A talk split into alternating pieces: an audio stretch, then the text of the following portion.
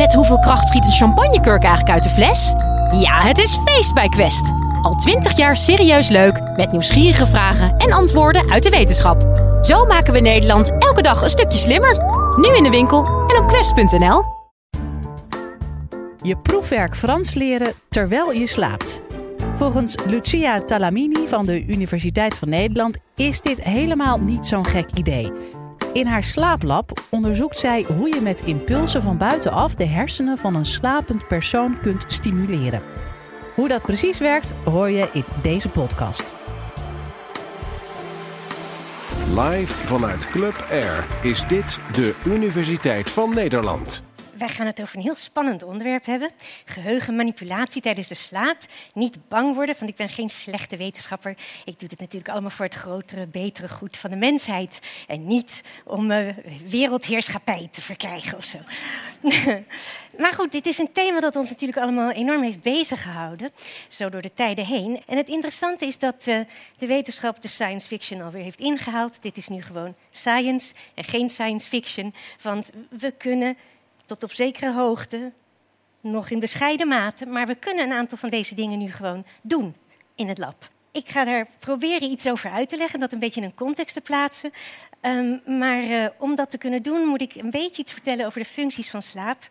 Een van de functies waar we het langst mee bekend zijn, heeft niks met je geheugen te maken, maar is een hele, misschien bescheiden functie. En dat is dat wanneer wij ons in delen van onze omgevingscycli, hè, zoals de dag- en nachtcyclus, bevinden, waar we minder goed aan zijn aangepast, waar we minder competitief zijn, dan zetten wij ons kacheltje wat lager. We brengen eh, dat metabolisme een beetje omlaag en conserveren daarmee energie. En dat is gewoon uh, adaptief. Dat is evolutionair adaptief. Daarmee uh, bewaren we energie.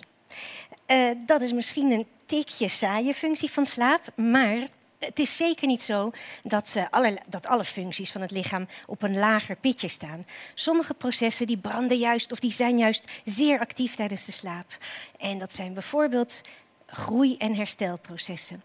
Die slaap dat is een soort natuurlijke heelmeester. Groeihormoon wordt in hoge mate afgegeven.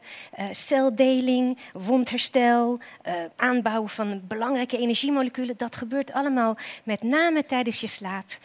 En dat is essentieel voor je overleven. En je ziet dan ook dat als je langdurig, herhaaldelijk, over lange periodes slecht slaapt of helemaal niet slaapt, dan word je ziek, zwak en misselijk en je krijgt ontstekingen en je herpesflares en je krijgt griep en uiteindelijk ga je dood.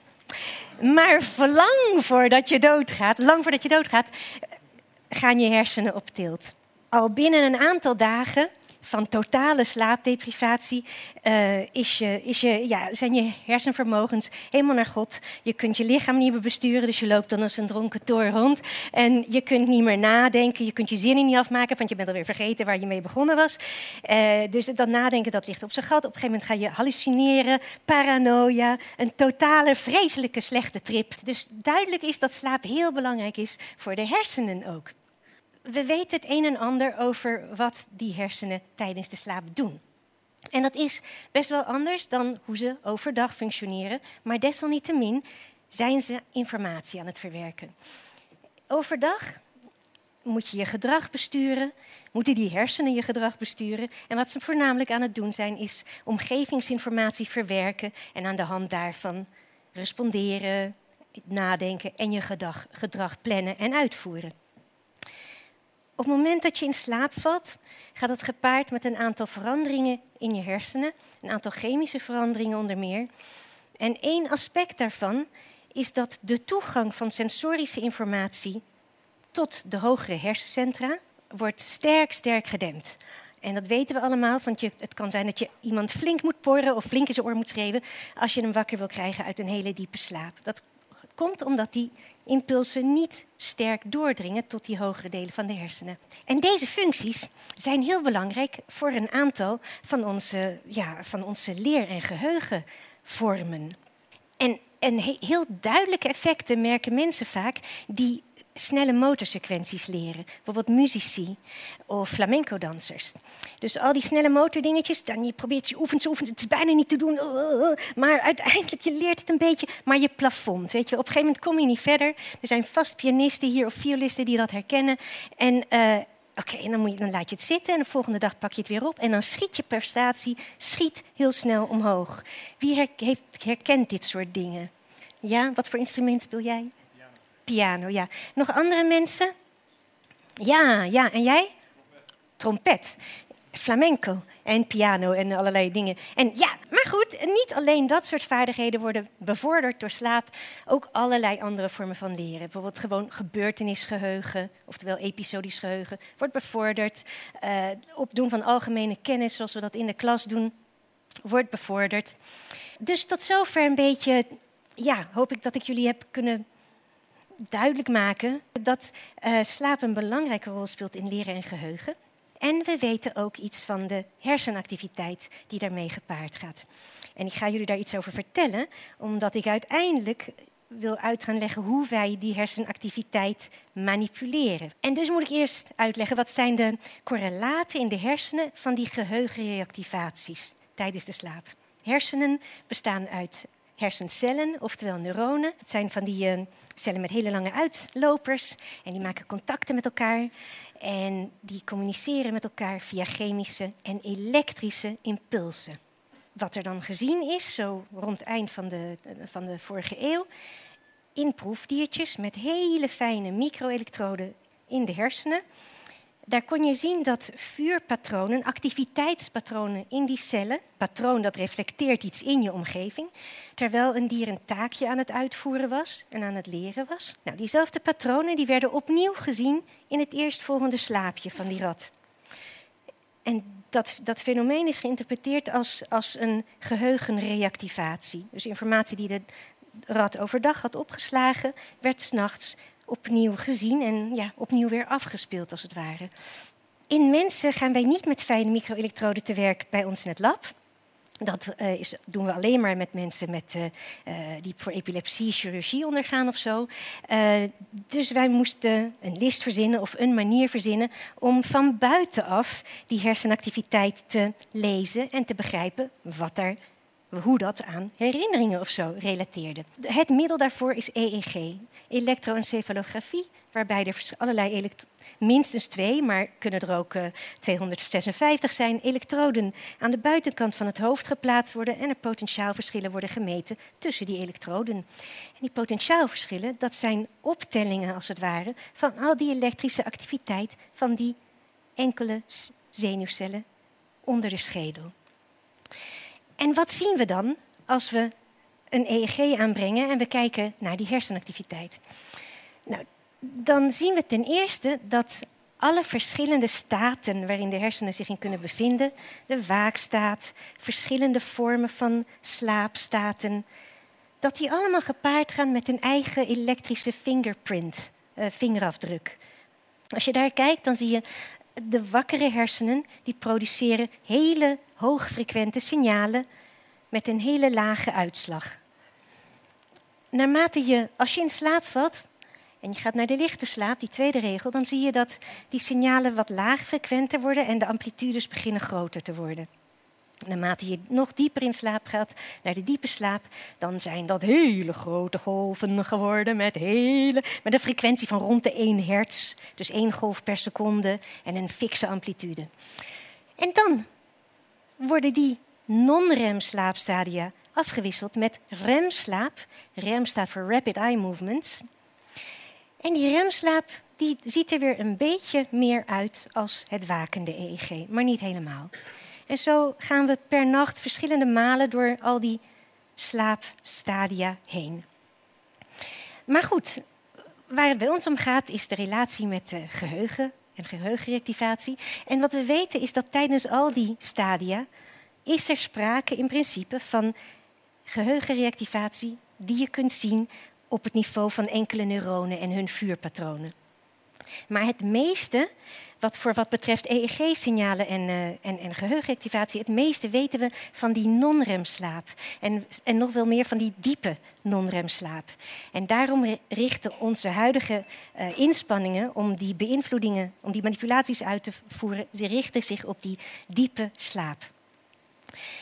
Die trage oscillaties die je dan ziet, die reflecteren het actief worden en dan weer stil worden van grote groepen, van grote populaties neuronen in die hersenen.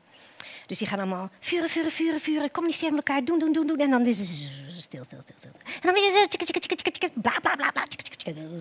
En dan weer niks.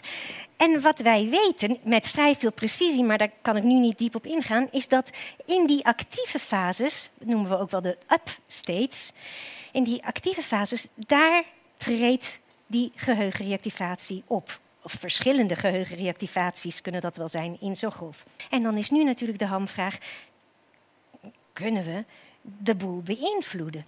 Kunnen we die natuurlijke geheugenreactivaties, die mentaties tijdens je slaap, kunnen we die beïnvloeden? En het antwoord is ja. En we doen dat met een, uh, een techniek die bij ons in het lab ontwikkeld is, een technologie wat doen we? Wat, wat, houdt dat analyseren dan in? Nou, we lezen de hersenactiviteit, we modelleren de hersenactiviteit. We kunnen die hersenactiviteit ook een klein stukje vooruit voorspellen, zo terwijl ze zich ontwikkelt. En in die voorspelling kunnen we patronen herkennen. Daar komt, oh, daar komt een trage golf. Of ook daar komt iets anders. En, omdat, en dat geeft ons de tijd om een stimulus uit te zenden om samen te vallen met een specifiek patroontje waar we in geïnteresseerd zijn. En waar we deze techniek zo voor hebben ingezet, en ik begin met het simpelste geval, is het uitzenden van geluidsimpulsjes op het moment dat die trage golf naar die high energy staat gaat. Dus van stilte gaan we naar activiteit en op dat moment zenden we een stimulusje uit en dat, daarmee geven we wat extra activatie aan die netwerken en kunnen we die trage oscillaties versterken, boosten. We kunnen een treintje van die oscillaties laten lopen. Effectief verdiepen we daarmee de slaap. Van de definitie van diepe slaap is de hoeveelheid, het percentage van die trage oscillaties die er in een tijdspanne voorkomt. Wat we ook kunnen doen, is betekenisvolle stimuli uitzenden op het moment dat die energie omhoog gaat. Zoals geluidjes die voor ons betekenis hebben. Het miauwen van een kat, het uh, rinkelen van een sleutelbos. Of een woord, heel zachtjes, zonder de slaper te verstoren. En de bedoeling is dan om met die betekenisvolle input lopende, gaande herverwerkingsprocessen te beïnvloeden. En nu ga ik jullie een experimentje laten eh, nou ja, vertellen wat we recentelijk in het lab gedaan hebben, waarbij we die betekenisvolle stimuli geheugencues waren. We hebben geprobeerd om mensen Deense vocabulaire te leren en tijdens de slaap een deel van die vocabulaire te versterken, opdat we de volgende dag zouden kunnen zien of dat in hun geheugen uitmaakte. Hoe gaat dat nou in zijn werk uh, in de realiteit? Als iemand bij ons naar het laboratorium komt, dan uh, komt die persoon s'avonds aan, wordt, krijgt een cap op zijn hoofd en die cap, daar uh, wordt gel in, de, in de kamertjes van de cap gespoten, daar zitten elektrodes in en die geleidende gel die die maakt een geleidende verbinding tussen elektrode en de huid. En als dat allemaal geregeld is, dan gaat die proefpersoon achter een computer zitten en die gaat 120 Deense woorden leren met de Nederlandse vertaling erbij. En dat, eh, dat duurt een flinke poos. En die doet erg zijn best. Maar dan als die klaar is, dan uh, begeleiden we hem naar bed. En uh, trekken wij ons terug in een controlekamer waar we kunnen kijken naar de hersenactiviteit en ook kunnen zien wanneer de proefpersoon in slaap valt. En wanneer die in slaap valt, dan zetten we dat, een dat automatische systeem aan. Die gaat, die gaat kijken, zeg maar die computer die gaat kijken waar blijven die trage oscillaties. En die gaat een deel van de geleerde Deense woordjes daarvan wordt de, de Deense component gesproken over boxjes, heel zachtjes ten gehore gebracht, gelokt, dus getarget op die opgaande fase van die trage oscillatie.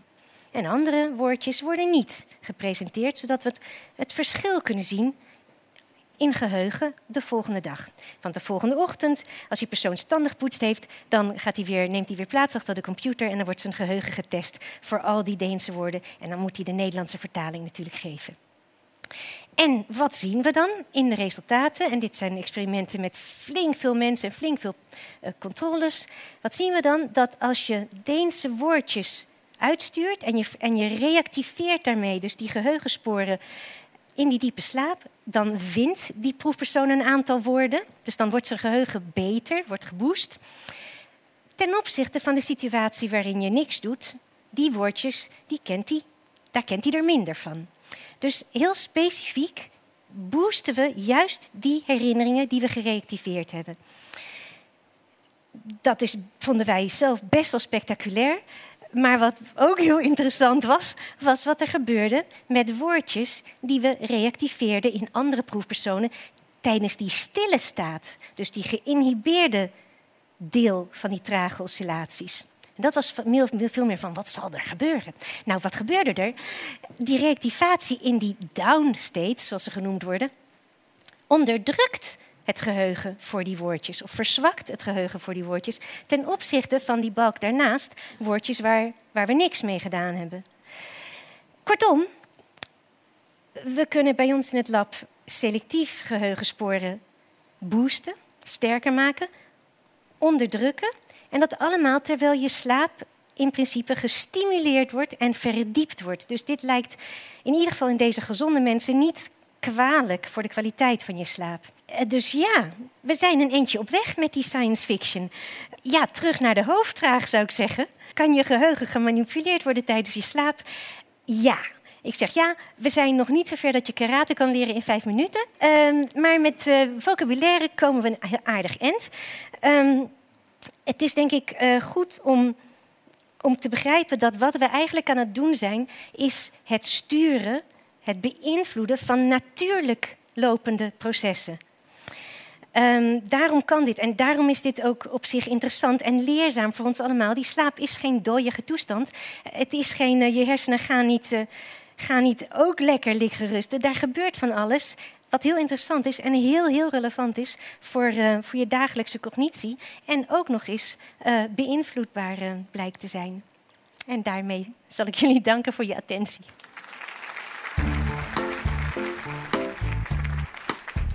Wil je nou nog meer afleveringen van de Universiteit van Nederland horen? Bijvoorbeeld over de vraag waarom zoveel millennials kampen met een burn-out? Of hoe je een oogbal kunt bioprinten? Check dan de hele playlist.